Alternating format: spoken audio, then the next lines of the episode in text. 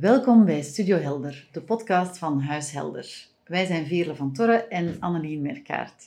In deze podcast hebben we het over thema's die we zelf interessant vinden en boeiend genoeg om met jullie te delen. Die thema's hebben telkens een link met situaties waarin elkaar begrijpen niet vanzelfsprekend is, zoals bijvoorbeeld bij mensen met autisme, dementie, ADHD, verstandelijke beperking en zoveel meer. En dat heeft alles te maken met onze achtergrond. Wij leerden elkaar kennen na onze studies, eh, in het werkveld, en meteen voelden wij dezelfde drive. We zullen ons even voorstellen. Ik ben van opleiding logopediste en ontdekte al heel snel dat kennis delen mij energie geeft. Vele haar sterkte ligt in het vinden van een praktische vertaalslag van theorie naar praktijk om zo concrete handvaten aan te reiken. Haar twee jongens, één man en twee katten, zorgen voor de nodige energie in haar leven. Veerle slaagt erin om de balans te houden tussen verdieping, rust en dit alles met de nodige intensiteit. Ikzelf ben psychologe, een mama van drie kinderen en een getrouwd met een man met duizend en één projectjes. Ja, en in die duizend en één projectjes vinden ze elkaar wel. Want Annelien valt ook op door haar gedrevenheid, enthousiast ondernemerschap en grote zorgzaamheid. En bovendien is ze steeds nieuwsgierig naar nieuwe tendensen, of het nu gaat over chocola, hipstertrends of ontwikkelingsstoornissen, vaak is ze als eerste op de hoogte.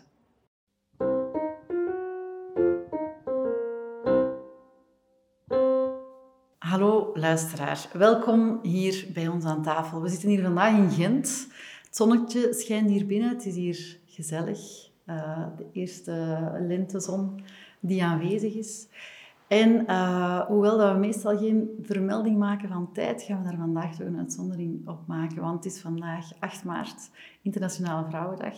En eigenlijk het uitgelezen moment om het te hebben over autisme bij vrouwen. Vandaag uh, zitten we met vier rond tafel. Uh, Annelien is er natuurlijk weer bij. Hallo. En dan hebben we ook Isabel Gabriels en Joke de Wilde. Welkom. Hallo dames, misschien is het wel handig voor de luisteraars dat jullie jezelf even voorstellen. Joke, we starten met jou. Ja, uh, ik ben dus Joke en ik werk als psycholoog in de kinder- en jeugdpsychiatrie van het UZ van Gent. Uh, en meer specifiek ben ik vooral werkzaam in het referentiecentrum voor autisme dat we hebben op onze dienst. Uh, dus ik doe voornamelijk onderzoek, diagnostisch onderzoek, bij kinderen, jongeren en soms ook volwassenen. Mhm. En ik ben Isabel, uh, ook werkzaam als psycholoog, maar in het Centrum voor Ontwikkelingsstoornissen in Gent. Ook voor een stukje binnen het referentiecentrum autisme. En daarnaast heb ik nog een privépraktijk waarin ik uh, zowel kinderen, jongeren als hun ouders ondersteun uh, en begeleid. Oké, okay, top dat jullie er zijn. Jullie hebben denk ik in december hè, een studieavond gegeven rond autisme bij vrouwen. Mm En laat dat voor ons een heel interessant onderwerp zijn. Hè? Iets waar dat we het vaak ook samen over hebben, hè, Vele? Mm En daarom dachten wij, goh, fijn om jullie eens uit te nodigen. Mm uh, we willen het graag hebben met jullie vandaag over autisme bij vrouwen. En misschien de meest voor de hand liggende vraag hè, is misschien wel van... Hebben jullie ook het idee dat het veel vaker voorkomt de laatste tijd bij vrouwen? Ja, ik denk, uh, zal ik misschien starten, hè, want ik denk dat er twee dingen zijn in de praktijk, denk ik, uh, dat we in het referentiecentrum voor autisme dat wel merken. En ik zie dat wel ook knikken. Mm -hmm.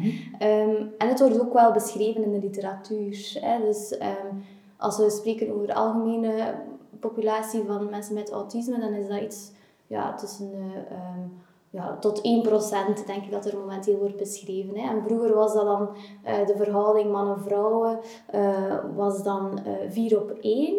En de laatste tijd, ik denk dat het onderzoek van 2017 is, is dat de, de cijfers 3 op 1 zijn. Ja, dus dat we eigenlijk wel merken dat daar wat verandering in komt.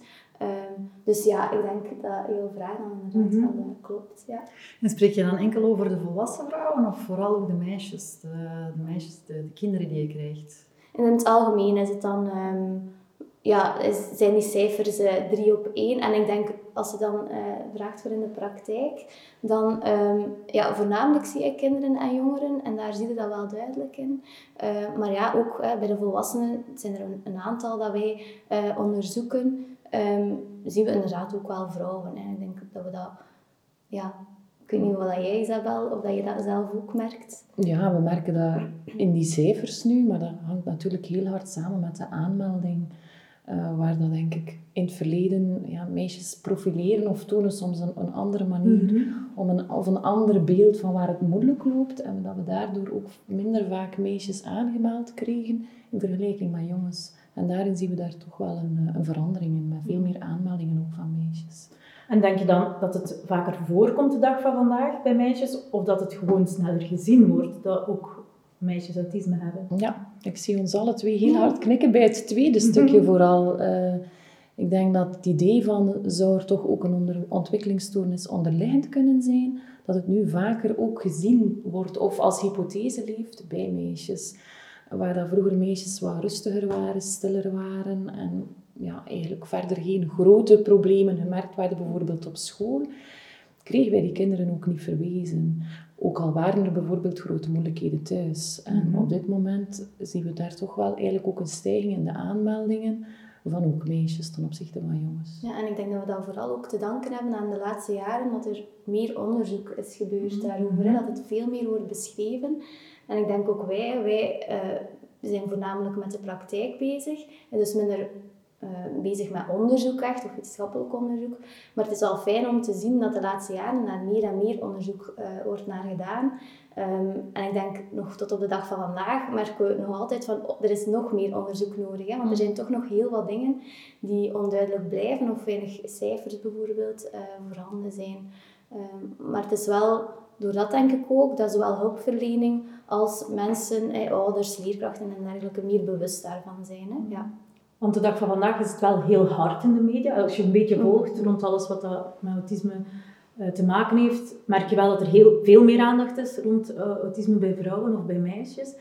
Wat mensen in mijn omgeving stellen mij wel eens de vraag, goh, is dat dan anders, autisme bij jongens of bij mannen en autisme bij vrouwen? Hebben we het dan over twee verschillende dingen? Of waarom splitst men? Hebben jullie daar een idee van?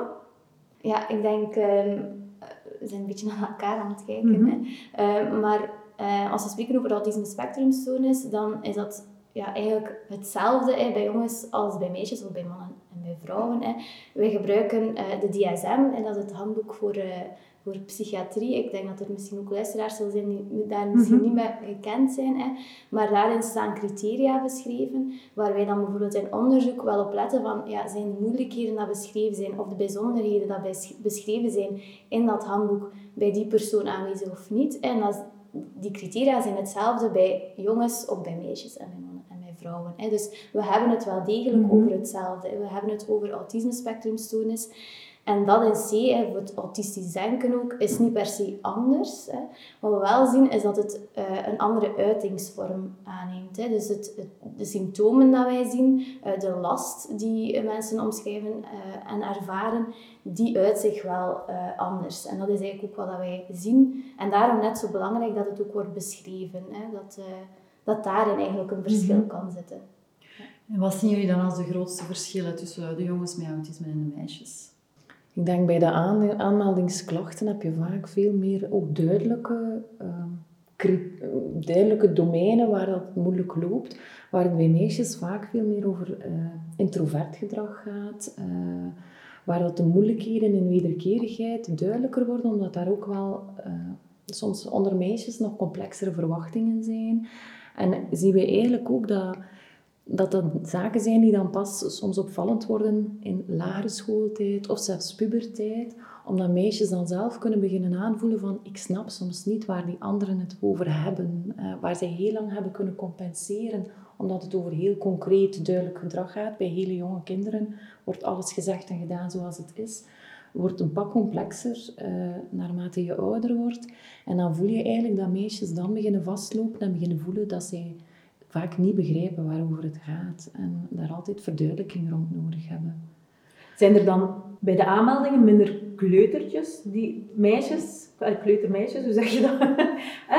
Hebben het idee ook dan, als je zegt van, het is vaak later dat je het dan merkt, zijn er dan ook nog op kleuterleeftijd of zeg je van, oh nee, dat is niet direct het grote verschil? Ja, ik denk ook daar dat we niet echt cijfers weten of zo. Uh, want ik denk wel dat je daar ook wel steeds meer en meer meisjes uh, dat aanmelden met de hypothese autisme. Mhm. Dus dat je dat wel enerzijds ziet. Maar toch merk je bij de echte jonge kindjes en bij de lagere school, vind ik ook, hè, dat die klachten nog meer specifiek zijn. Hè? Dus dat, die, um, hè, dat, dat, we dan het hebben, hè, dat er wordt gezegd van, hè, er is sprake van um, een depressieve stemming of heel veel angsten, um, heel hoge vermoeidheid telkens, hè, maar ook zeker bijvoorbeeld die compensatiedrag. Hè, dus op school de voorbeeldige leerling zijn, hè, dus daar gaat, loopt eigenlijk alles perfect. Dus ja, er zijn geen moeilijkheden, maar dan thuiskomen en eigenlijk hè, uh, goede uitbarsting hebben bijvoorbeeld. Hè. Um, en ik denk dat dat het dan wel, hè, als je dan mm kijkt, dat het dat wel moeilijker maakt, hè, omdat je nog met een bredere, um, ja, bredere symptomen eigenlijk zit. Um, ja, waardoor dat misschien niet direct altijd aan autisme wordt gedacht. Dan, Of dat het nog breed kan zijn en dan nog minder duidelijk van het is zeker autisme. Om nog even in te pikken op uw mhm. vraag, Annelien. Zo, ik werk ondertussen 20 jaar op het COS, dus ik kan gewoon vanuit mijn buikgevoel, niet vanuit cijfergegevens, wat meespreken. Ik herinner mij nog altijd mijn eerste meisje met een duidelijke vorm van autisme. Het was een heel duidelijke vorm van autisme. Ehm, waar dat ik nu ook toch wel vaker ook bij kleuters al een beetje meer het vloeverhaal krijg mhm. als aanmeldingsklacht. Ik kan het niet staven met cijfers, maar ik heb het zou wel eens interessant zijn om dat uh, verder te bekijken mhm. in de aanmeldingen. Ja, dat je zegt van, vroeger was het echt, als het dan meisjes waren, waren veelal die met klassieker mhm. beeld, terwijl dat je nu een bredere aanmelding krijgt. Ja. ja. dus dat is toch ook een beetje aan het verschuiven, mm vind ik. Naar jongere en jongere leeftijd. Waar dat, dat bij jongens, de, de kleuters die worden aangebeld met de hypothese van, gaat dan vaak over heel expliciet, ofwel zeer, een zeer duidelijk beeld, ofwel zeer externaliserend gedrag, waardoor dat iedereen snel uh, ja, maar externaliserend gedrag bedoel je dan gedrag dat zich uit naar de buiten Ja, woedebuien, ja. Uh, niet hanteerbaar in de klas, uh, voor de juf eigenlijk ook niet hanteerbaar. Uh, soms ook niet zo autispecifiek. Hè? Ja. Kinderen met heel autispecifiek gedrag. heel moeilijk oogcontact, repetitieve gedragingen, mm zulke dingen. maar je hebt ook nu de allee, toch ook wel het externaliserend gedrag dat niet zo autistisch-specifiek is. Mhm. Moedebuien hebben, uh, niet luisteren, niet blijven stilzitten. Ook heel vaak een, een, een, een bezorgdheid mhm. voor kleuterjuffen. Hè. Ja. Terwijl misschien als het zich naar binnen richt, mhm. Dat minder duidelijk is voor de omgeving van er is een probleem, waardoor dat de vraag minder snel komt. Ja. Jullie hebben ook iets vragen. Ja, wat zijn dan de aanmeldingsklachten bij de meeste meisjes met autisme? Waar je dan achteraf denkt van ja, dat is inderdaad autisme? Ja, zoals dat Joke net ook al zei, heel vaak ehm, depressieve stemmingen, angstproblemen.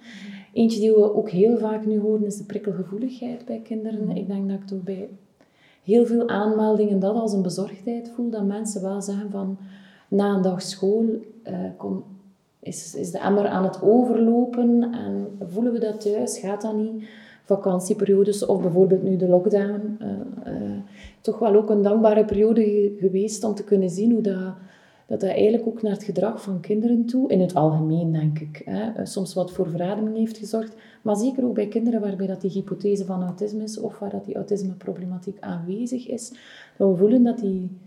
Ja, dat dat hypergevoelig zijn voor al die prikkels, het ook niet begrijpen van al die informatie in de wereld, het eigenlijk het gedrag uh, ja, moeilijk maakt om te hanteren. Hè. Mm -hmm. En ik denk zo bij, bij oudere meisjes, uh, wat we wel ook vaak zien, is zo die depressieve stemming. Hè. Um, ook wel een aantal meisjes die suicidale gedachten hebben bijvoorbeeld, dat komt ook wel vaak voor. Um, en ja, dan weer bij die oudere meisjes um, zijn er toch wel een aantal bij die bijvoorbeeld wel al een, een traject hebben gelopen. Hè. Bijvoorbeeld Ehm, die bijvoorbeeld al een opname hebben gehad voor eetstoornissen en dergelijke. Uh, en die dan eigenlijk na uh, al een heel traject waar er van alles is geprobeerd en waar, er al van alles aan die bijkomende klachten of die stoornissen, bijvoorbeeld eetstoornissen of depressie, al is gewerkt. En dat dat eigenlijk weinig effect lijkt te hebben, zo de, de aanpak die misschien bij anderen wel lijkt te werken. Um, en dat die eigenlijk ook, ook bij ons langskomen. Hè. Um, wat ik ook wel zelf van merk is, is ja, bij jonge kindjes, dat is, is normaal, dat is vaak de ouders die aanmelden en, en moeilijkheden melden. Bij um, oudere meisjes en ook bij vrouwen, ja, die kunnen het natuurlijk, ja, die hebben al meer taal, die kunnen het ook zelf al veel beter uitleggen. En ook zelf wel aangeven van, ik vind het eigenlijk wel moeilijk op verschillende vlakken. Ik ben moe, ik, ik doe zo mijn best voor heel veel dingen hè, om erbij te horen, want ik wil er echt heel graag bij horen. En dat lukt mij niet. Hè. Dus ik denk dat die verhalen, dat ik dat ook wel, wel vaak hoor. Mhm. eh, en dat is, dat is wel vaak heel schrijnend, denk ik. Mhm. Ehm, en Omdat de last dan niet erkend wordt? ja, en omdat het ook laat gezien wordt, denk Mhm. ik. Hè. Ik denk dat dat, dan, dat zijn dan zo de meisjes en de vrouwen ook, hè, die al heel lang, echt al van, van een kleuterleeftijd of eh, toch al, al heel jong, wel die moeilijkheden ervaren, maar waar dat er nooit de vinger is op gelegd geweest, hè, omdat het zo specifiek is of eh, omdat ze in bepaalde contexten eigenlijk wel nog heel goed eh, kunnen bijbenen ehm, en nog genoeg compensatiemogelijkheden hebben om eigenlijk goed te functioneren. Maar dan ja, lukt dat compenseren denk ik niet Mhm. meer op een bepaald moment. Hè, zijn toch die verwachtingen van de omgeving hoger dan dat zij eigenlijk eh aankunnen. Eh, en dan merk je wel heel erg die last hè, van oei, het lukt mij niet meer en ik doe nogthans heel erg mijn best. En vroeger lukte dat precies dan toch meer. Eh, maar dan zie je dat dat heel veel energie kost. En dat maakt het vaak heel lastig. Ja. En wat ik daar ook heel vaak bij hoor, is door die jarenlange ervaring van ik probeer en het lukt niet, is dat vaak ook wel een, een, een zeer grote impact op het zelfbeeld van Mhm. jongeren. En dat vind ik het, het schrijnende stuk soms ook, om te voelen hoe die jongeren dan eigenlijk ja, heel weinig zelfwaarde nog hebben. Of ook wie ben ik dan eigenlijk, in wat ben ik goed. En, en dat vind ik het schrijnende stuk, dat, dat eigenlijk door te camoufleren en te compenseren en dan niet meer te voelen, en misschien ook wel te voelen vanuit de omgeving, dat dat daar dan zo hard is op gaan wegen. Want dat sluit een beetje aan bij de vraag die ik dan nog had van, ik hoor jullie zeggen depressie en eetstoornissen. Hebben jullie dan het idee dat dat vaak voorkomende problematieken zijn bij meisjes met autisme? En daaraan sluitend dacht ik dan van ja, hè, dat heeft ook met je zelfbeeld te maken. Hè? Mhm. Dat is natuurlijk dat depressieve beeld of een eetstoornis ontwikkelen. Ja, ja. Wel, ik denk dat we het twee merken in de praktijk. Maar, en dat is ook iets wat dat beschreven staat in de literatuur. hè, Dat sowieso, ik denk mensen met autisme in het algemeen, dus ook mannen, hebben meer kans om allee, bijkomende moeilijkheden te ontwikkelen. Maar er wordt toch ook beschreven ehm, dat dat bij vrouwen nog eens ehm, zo vaak voorkomt. En dat is misschien ook nog wat te weinig onderzocht, maar je leest dan toch dat dat toch wel terug te brengen is ook naar dat camoufleren. Hè. Eh, Dat camoufleren, dat wil dan zeggen dat, dat mensen gaan proberen om hun eh, zaken die moeilijk gaan voor hen, eigenlijk te gaan ja, camoufleren, gaan wegsteken, verbergen. En eigenlijk met de, eh, met ja, de vaardigheden dat ze hebben, toch proberen om in de maatschappij wel te kunnen functioneren. Ehm, maar dat kost heel veel energie, want dat gaat niet vanzelf. Hè, waar dat bij andere mensen misschien het wel vanzelf gaat om ja, sociaal contacten aan te gaan en, en te functioneren op het werk, alle balken in, in de lucht te houden, lukt dat voor die, die vrouwen eigenlijk ja, veel minder. En je ziet dan ja, meer compensatiegedrag en camouflage in vergelijking met mannen. En ja, de verwachtingen die worden telkens hoger. ehm, en de energie dat het kost is ook Mhm. altijd meer en meer. Waardoor dat je dus die bijkomende klachten dan eh, eigenlijk ook wel ziet. En ik denk dat onlangs ook wel meer staat beschreven, zeker bij de vrouwen, hè, zoals autistische burn-out wordt eh, de laatste tijd ook wel wat genoemd. Omdat je dat, hè, want als ik denk aan de vrouwen die wij in onderzoek ook zien, merk je dat ook, hè, van op een bepaald punt is die energie gewoon op. En dan ehm, ja, uit dat zich in ja, een burn-out, een autistische burn-out wordt het dan genoemd, omdat de ja, energie die ze misschien de andere jaren wel nog hadden, dat dat gewoon niet meer lukt. Dat dat niet meer lukt om dat op te brengen. Ja. Ja, je hoort ook steeds vaker over dat pleasende gedrag. Hè? Eh, is dat ook iets dat jullie herkennen? Hè? Dat de vrouwen veel meer in plaats van te gaan eh, ja, zich verzetten tegen stress, eh, in, in ieder geval van stress, zich, zich gaan, in plaats van zich gaan te verzetten of gaan te blokkeren, dat ze meer gaan pleasen en gaan meegaan met de omgeving? Ja, dat is een beetje dat camouflagegedrag, denk ik. Hè.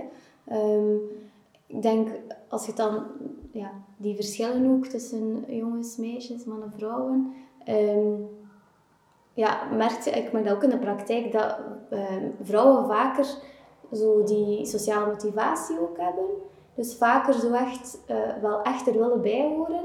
Bij mannen horen dat ook soms, hè, maar iets minder. Zij, ehm, allee, of toch een aantal mannen kunnen zich daar meer in stellen van goh, en voor mij hoeft dat eigenlijk niet, dat sociaal contact. Het is oké zo, ik heb mijn interesses, ik heb een aantal maten in waar ik het mee kan hebben over die interesses of over andere zaken. Maar vrouwen zijn, denk ik, het, is ook, het zit een beetje in onze cultuur, hè, dat we wel ook wat verwachten van vrouwen en meisjes om, om heel sociaal te zijn, om heel zorgend te zijn. Mhm. Ehm, ja, of zelfs als bijkomende hypothese dat het ook zelfs stoer kan zijn als jongen om er, om er u tegen te verzetten. Mhm. Eigenlijk is maar dat is zuiver nu een hypothese die ik hier nu mhm. zeg.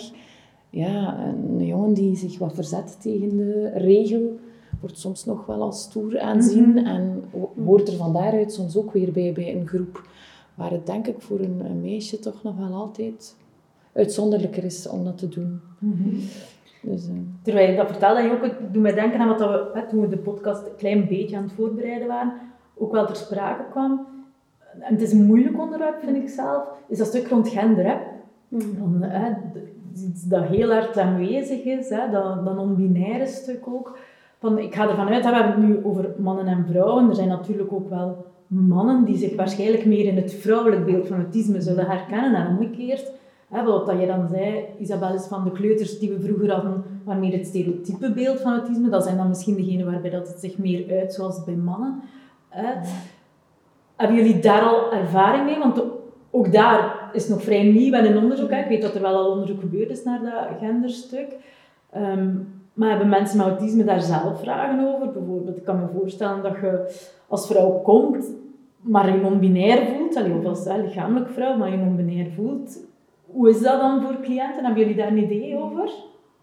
Ja, ik vind dat een heel terechte vraag, hè, want dat is iets wat mij enorm ook bezighoudt. Um, en um, ja, ik denk, ik heb inderdaad hè, een, cliënt gehad waar ik wel een stukje psycho-educatie bij deed over meisjes uh, en vrouwen met autisme. En dat ik dan de terechte achteraf bekeek en de opmerking kreeg van, goh, maar ik voel me eigenlijk ook geen meisje of geen vrouw. Dus ik denk, en dat is misschien dan wel heel belangrijk om nu ook te zeggen, ja, we, zeggen hier wel meisjes en vrouwen met autisme, maar het klopt inderdaad dat, dat ik ook jongens al heb gezien die meer die uitingsvorm mhm. hebben. Hè. Dus eigenlijk spreek ik dan nog liever over hè, een fenotype of een uitingsvorm. Want ik denk dat het, ja, we hebben het wel over vrouwelijk en, en uh, ja, fenotype, maar misschien staat het wel los van, mhm. van het vrouwelijke. Of, ik, ik weet, ik kan, ben, ik ben er ook niet uit hoe dat allemaal samenhangt, hè, met geslacht of, of hier gender. Of, hoe dat allemaal samenhangt. Maar ik ben mhm. er inderdaad ook echt benieuwd naar. En ik denk dat we er ook, als we erover vertellen, ook altijd op mhm. bedachtzaam, moeten, en bedachtzaam rond moeten zijn. Hoe dat we die dingen aanbrengen. En, um, Want er zijn evengoed vrouwen met autisme die een heel mhm. typisch mannelijk beeld hebben uh, van autisme. Absoluut, ja. ja. En omgekeerd inderdaad ook. Ja, zeker ja, misschien zien we die nog, nog niet. De mannen, de introverte mannen, die dan toch autisme hebben, daar zou ik wel benieuwd naar zijn. Hè? Want dat is denk ik eh, een beetje een conclusie geweest van onze voordracht. Dat we zeiden van, we kunnen nog wel eens een slingerbeweging omgekeerd zien. Mhm. Richting het beeld van, zien we dit, missen we dit nu nog bij de mannen? Ja. Kan. Maar ik, eh, en ik denk, onze boodschap is denk ik vooral ook van, om u bedachtzaam te zijn. Mhm. Van, oké, autisme dat is, eh, ja, autisme spectrumstoornis staat beschreven, maar ja, let op met die uitingsvorm. Het kan ook, hè, dat camoufleren. Mensen kunnen dat ook camoufleren. Hè. Uh, zowel jongens als meisjes. Uh, mm Maar het is wel belangrijk dat mensen daar zo wel bewust van zijn, hè, dat dat ook kan. Hebben jullie het idee dat jullie diagnostiek voor mannen, vrouwen, meisjes, jongens anders is? Op zich niet. Hè. We, blijven dezelfde criteria voor ogen hebben, die noodzakelijk zijn om diagnose te kunnen stellen. Maar het, is wel dat we, je moet met kennis van die ontwikkelingsstoornis eigenlijk ook gaan kijken naar het gedrag dat kinderen nu tonen en wat ze vertellen over ook, hoe ze kijken naar de wereld.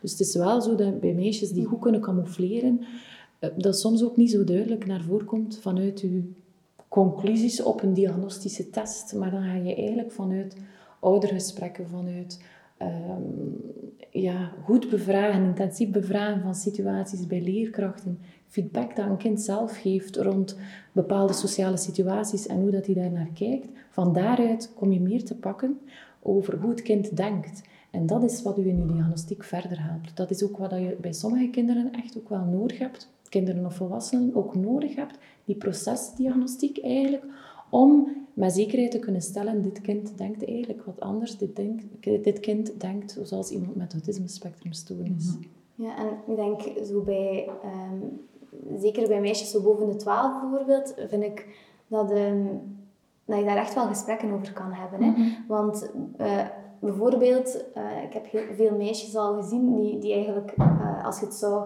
gaan uh, bekijken, oogcontact maken en dergelijke, dat dat eigenlijk wel kwalitatief voldoende is. Hè, dus dat je daar eigenlijk niet veel op kan zeggen. Maar als je het dan gaat bevragen, als je dan vraagt van, ja, hoe doe je dat eigenlijk? Hè? Zo, zo in interactie, dan hoort je wel vaak bij die meisjes van, ah ja, maar ik denk daarover na. Ik heb eigenlijk, hè, sommigen berekenen het zelfs, hè, van hoeveel tijd in mijn conversatie moet ik nu oogcontact gaan maken. En ook dat kost heel veel energie, want je moet daar constant over nadenken. Dus ik denk het peilen naar van, ja, hoe vlot gaan dingen, hoe natuurlijk zijn dingen, welke dingen gaan vanzelf of net niet, dat dat heel belangrijk is. En eigenlijk jonge meisjes en die dan vrouwen, die hebben daar best wel veel inzicht al in, uh, van hoe dat het voor hen is en gaat. Ja. Of soms gaat de bal aan het rollen uh, bij een ouder van iemand die mm -hmm. aangemeld is. Eigenlijk horen we dat toch wel vaak ook bij ons op de dienst, als een diagnose gesteld wordt bij een kind dat een ouder zegt van, ik herken mij hierin. Mhm. Ik heb dat eigenlijk ook altijd gedaan, maar ik, had voldoende skills om te kunnen blijven camoufleren, maar dit is zo vermoeiend geweest mhm. voor mij. En dan hoor je wel vaak bij die ouder dat hij zegt van, in een bepaalde fase heb ik echt in een depressie gezeten daardoor. Doordat het camoufleren zoveel van mij aan het vergen was. Mhm. Ehm, maar ja, dan heb je eigenlijk een zeer late diagnostiek eigenlijk. Ehm, of het het is vooral het inzicht in wie ben ik dat mensen ook kan helpen mhm. om de balans te gaan vinden van hoeveel en waar ga je camoufleren en waar ook niet, om het op die manier draaglijk te houden. Hè. Mhm. Eh, en om niet heel de tijd over die, dat energieniveau uh, heen te gaan of te veel te investeren. Want dat is waarschijnlijk niet evident. Hè? Als je diagnostiek doet, dan krijg je vaak te maken met mensen die ergens op vastlopen. Hè? Er is vaak een vraag naar diagnostiek op het moment dat dingen moeilijk beginnen lopen. Um, dus, want dat zit ook in het woord, het stukje de stoornis die aanwezig is. Maar als ik jou dan hoor, Isabel, zijn er ook wel vaak vrouwen die het misschien niet zoals een stoornis of de omgeving niet als een stoornis gezien hebben, maar mensen die als ze erop terugkijken wel kunnen zien van oei, dat heeft mij wel energie gekost om te geraken waar ik nu sta. Ja, dat hoor ik toch wel vaak. Uh, mensen die dan misschien ook net wel het netwerk hebben gezocht en voldoende heeft ondersteund. Maar ja, daar hoor ik toch wel veel ouders ook en, en dan misschien ook wel nog iets vaker moeders in zeggen van... Uh, dit verklaart nu waarom ik het in mijn puberteit zo lastig heb gehad. Mhm. Als ik dat lees, herken ik dat volledig. En ik doe dat ook continu nog iedere dag.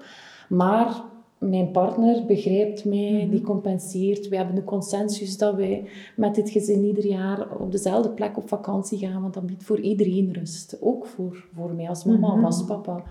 Uh, ja, en dat zijn toch ook wel... Allee, dit komen toch ook wel vaak tegen. Uh, gezien bezorgdheden rondom een kind en de diagnostiek die daarvoor moet gebeuren, dat er dan naderhand een balletje aan het rollen gaat bij een mhm. ouder, die eigenlijk heel veel herkent.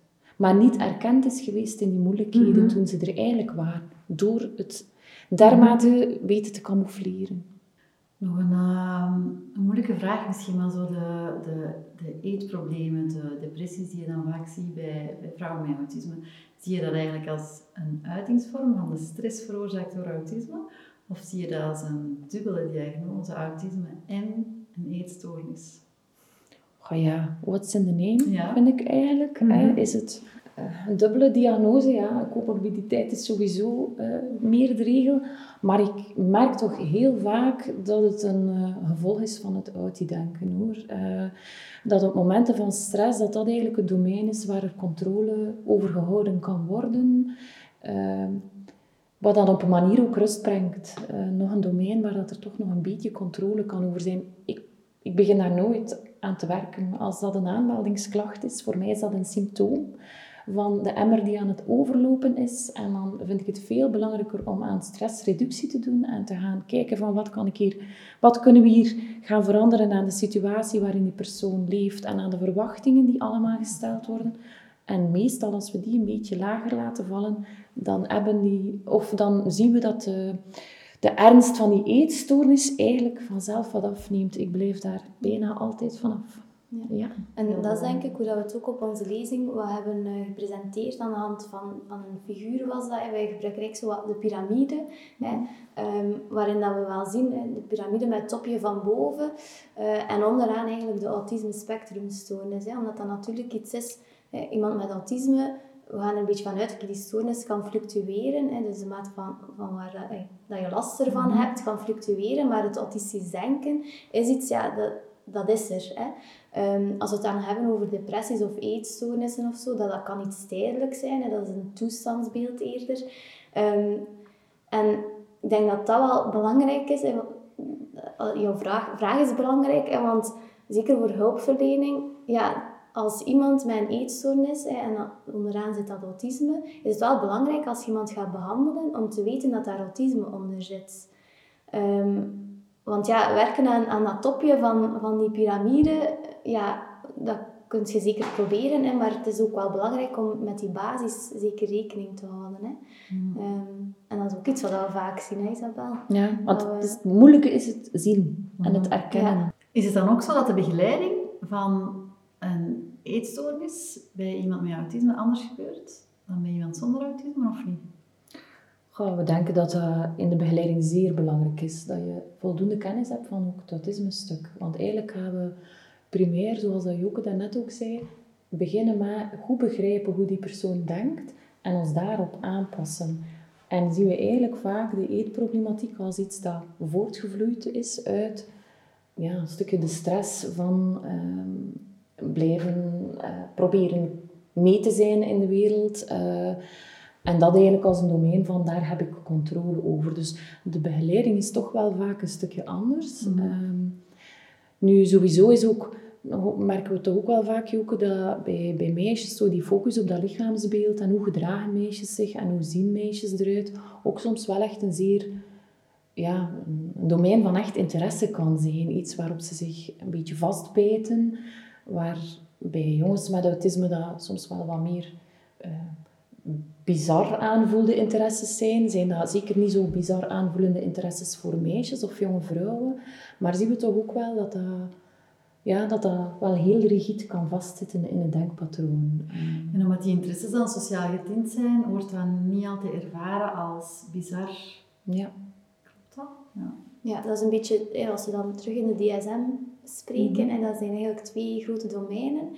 Dat sociale, ik denk dat we daar al veel hebben over verteld, en wat we zo al wel merken bij die uitingsvorm eh, van autisme. Maar zo dat tweede criterium gaat dan eerder over inderdaad die rigiditeiten of eh, ja, bijzondere interesses en dergelijke. En bij jongens zie je inderdaad vaker zo de, ja, hetgeen wat je, dat je ook soms op tv, of zo het stereotype Mhm. beeld hè, van, de, van de vreemde interesses, eh, heel intensieve of intense interesses, We denken Terwijl- dan aan treinen en dino's. Treinen, en dino's, openbaar oorlog eh, en zo verder. Bij meisjes je dat wel wat minder en dan is het vaker ehm, over dieren bijvoorbeeld, of paarden, prinsessen. En dat zijn eigenlijk niet zo vreemde interesses, want ja, ik denk dat, dat heel veel meisjes eh, geïnteresseerd zijn in, in prinsessen Mhm. en zich daarin graag eh, verkleden en dergelijke. Maar ik denk dat voor ons eh, in de diagnostiek dat belangrijk is om te gaan bevragen, ja, hoe, hoe intens is dat? Hè? Eh, ik denk dat daar wel heel veel verschil tussen, tussen een normaal ontwikkelend kind en iemand met autisme wel zit. Hè. Eh, Dat dat eigenlijk ja, te intensief is, dat dat te sterk is. Dat dat En op latere leeftijd? Hoe, wat, wat, welk soort dingen denken we dan? Ja, wa- wat dat wij zo wel eh, vaak tegenkomen, is eigenlijk zo ook wel de sociale interesse. Hè. Ehm, en dat uit zich dan in eh, het, het ehm, zich verdiepen in bepaalde soaps bijvoorbeeld. hè. Om eigenlijk ook wel wat te gaan kijken van hoe zitten die interacties in elkaar. Hè. En eh, hoe gaat dat eraan toe en dergelijke. Dus ik denk dat, ik hoor dat ook soms, dat sommige meisjes dat zelfs een beetje als leerschool gebruiken. Hè, van, ah, hoe, hoe moet ik me dan gedragen Mhm. en hoe, hoe zit dat in elkaar. Maar dat inderdaad zodanig in opgaan, dat dat toch wel heel veel tijd in beslag neemt, eh, zo die zaken. Of psychologie bijvoorbeeld, is ook iets wat we heel vaak horen. Hè. Toch ook veel meisjes dat psycholoog willen worden of, of iets in die eh, zaken willen doen en daar heel veel over weten. Ehm, en ik denk zelfs, op zich kan zelfs autisme zelf ook een, een, een, eh, een grote interesse worden. Hè. Eh, zeker bij, bij oudere vrouwen, denk ik, eh, die zich daar echt in gaan verdiepen en daar ook echt alles over weten. Ehm, en daar heel veel tijd ehm, ja, voor nemen. Hè. Ja. Mm Amai, veel stof om over na te denken. Mhm. Ook een oproep om onderzoek te doen rond gender. ja, klopt. Ehm, zijn er nog dingen die jullie zeggen van, goh, dat willen we zeker nog meegeven? Goh, ik denk dat voor ons alleszins het belangrijkste is dat we willen meegeven, is dat wij bezorgdheid rondom kinderen, jongeren, ehm, dit ook als een hypothese kan worden meegenomen. Hè. Het is niet omdat een kind uh, eetmoeilijkheden heeft of uh, depressief aanvoelt of angstig is, uh, dat we dan sowieso niet richting autisme moeten denken. Het is het, is het ook zeker niet altijd, mm -hmm. maar breed nadenken als je een aanmeldingsklacht of bezorgdheid hoort.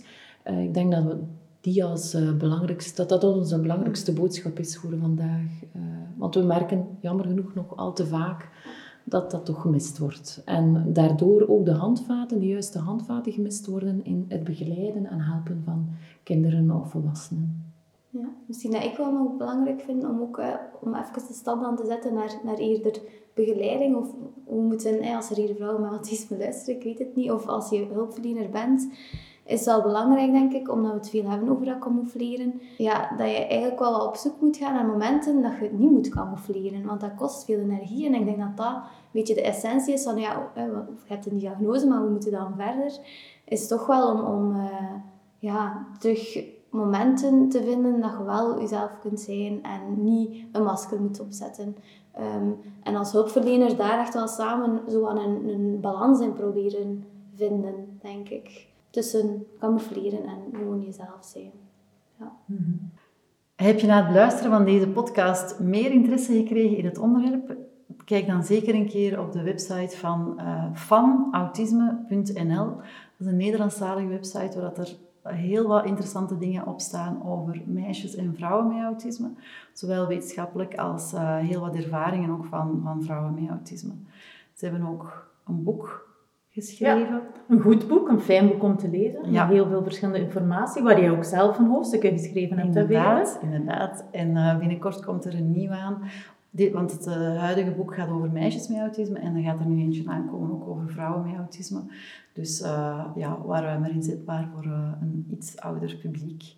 Oké, okay. we zetten de referenties en de piramide waar je ook het over had in de podcast er ook even bij. Oké, okay, dat is goed. Dames, heel hard bedankt voor jullie komst naar hier. graag gedaan. Graag gedaan.